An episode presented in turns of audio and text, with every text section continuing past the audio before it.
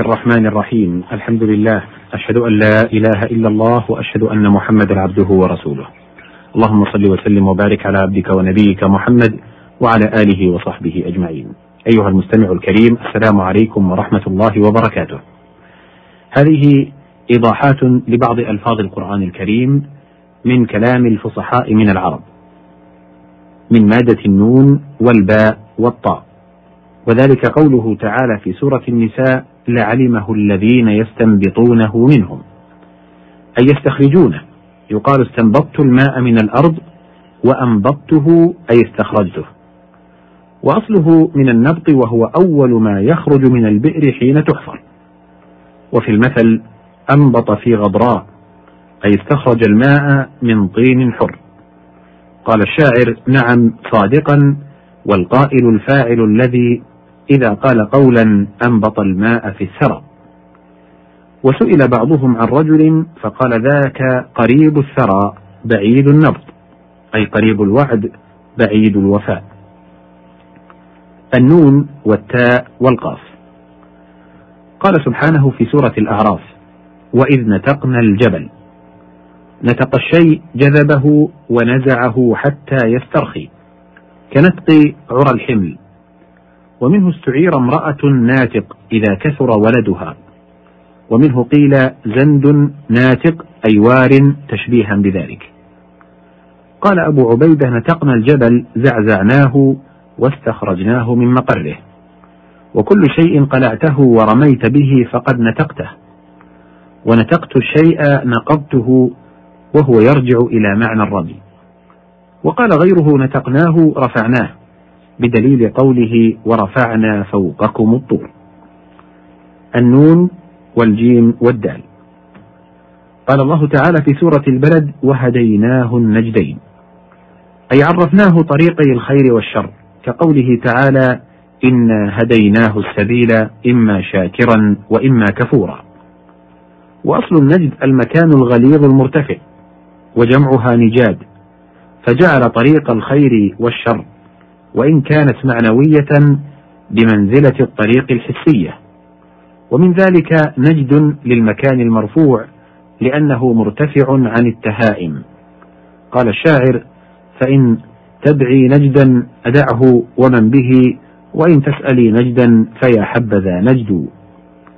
وقال مجاهد النجدان هنا الثديان أي ألهمناه أن يلتقمهما فيرضع منهما.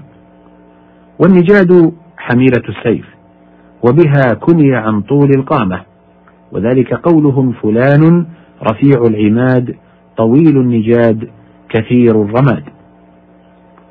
النون والجيم واللام. قال سبحانه وتعالى في سورة آل عمران التوراة والإنجيل. الإنجيل أحد الكتب الأربعة المنزل على عيسى بن مريم. وأكثره مواعظ وأمثال وأحكامه قليلة جدا لأن عيسى جاء مقررا لأحكام التوراة إلا يسيرا. واختلف الناس فيه هل له اشتقاق أم لا. والظاهر لا اشتقاق له لأنه أعجمي. ثم القائلون باشتقاقه اختلفوا فقال بعضهم سمي لاستخراجه من عند الله تعالى على يد عيسى عليه السلام. ومنه النجيل لخروجه من الأرض ومنه قيل للولد نجل. قال الأعشى أنجب أيام والديه به إذ نجلاه فنعم ما نجلا. النون والحاء والتاء. قال الله سبحانه في سورة الأعراف وتنحتون من الجبال بيوتا النحت الأخذ من الشيء لتجعله على صورة مخصوصة كنحت النحيت والصنم والبيت من خشب وحجر ونحوهما. ويكون في الأجسام الصلبة المحتملة لذلك وقد يتجوز به في غيرها. ومنه قول النحويين في باب النسب مسألة النحت وهو أن يأخذوا من مجموع اسمين لفظا ينحتونه ثم ينسبونه إليه كقولهم في النسب إلى امرئ القيس مرقسي وإلى عبد القيس عبقسي. وإلى عبد شمس عبشمي. قال عبد يغوث ابن وقاص الحارثي وتضحك مني شيخة عبشمية كأن لم ترى قبلي أسيرا يمانيا والنحاتة ما يسقط من الشيء المنحوت والنحيت الشيء المنحوت والنحيتة الطبيعة التي جبل عليها الآدمي وطبع عليها كأنه نحت عليها. النون والحاء والراء. قال سبحانه في سورة الكوثر فصل لربك وانحر. قيل المراد انحر الضحايا والنحر قطع الشيء المنحور وأصله من نحرت أي أصبت نحره نحو ركبته أي أصبت ركبته. والنحر في الإبل غالبا والذبح في البقر والغنم. وقيل انحر اجعل يديك على صدرك تحت نحرك في الصلاة. وقيل انحر انتصب بنحرك. قال المبرد أراد القبلة. فإذا انتصب الإنسان في صلاته فنهد قيل قد نحر. النون والدال والدال. قال سبحانه في سورة البقرة فلا تجعلوا لله أندادا. الأنداد جمع ند وهو المثل المناوئ. وقال بعضهم الند أخص من المثل. قال فإن الند هو المشارك للشيء في جوهره وذلك ضرب من المماثلة. فإن المثل يقال في أي مشاركة كانت وكل ند مثل وليس كل مثل ندا. وقيل لا يقال إلا للمثل المخالف المناوئ. قال جرير أتيم أتجعلون إلي ندا وهل تيم لذي حسب نديد يقال ند ونديد ونديدة على المبالغة. قال لبيد لكيما يكون السندري نديدتي وأجعل أقواما عموما عماعما. وقيل هو بمعنى المثل من غير عموم ولا خصوص.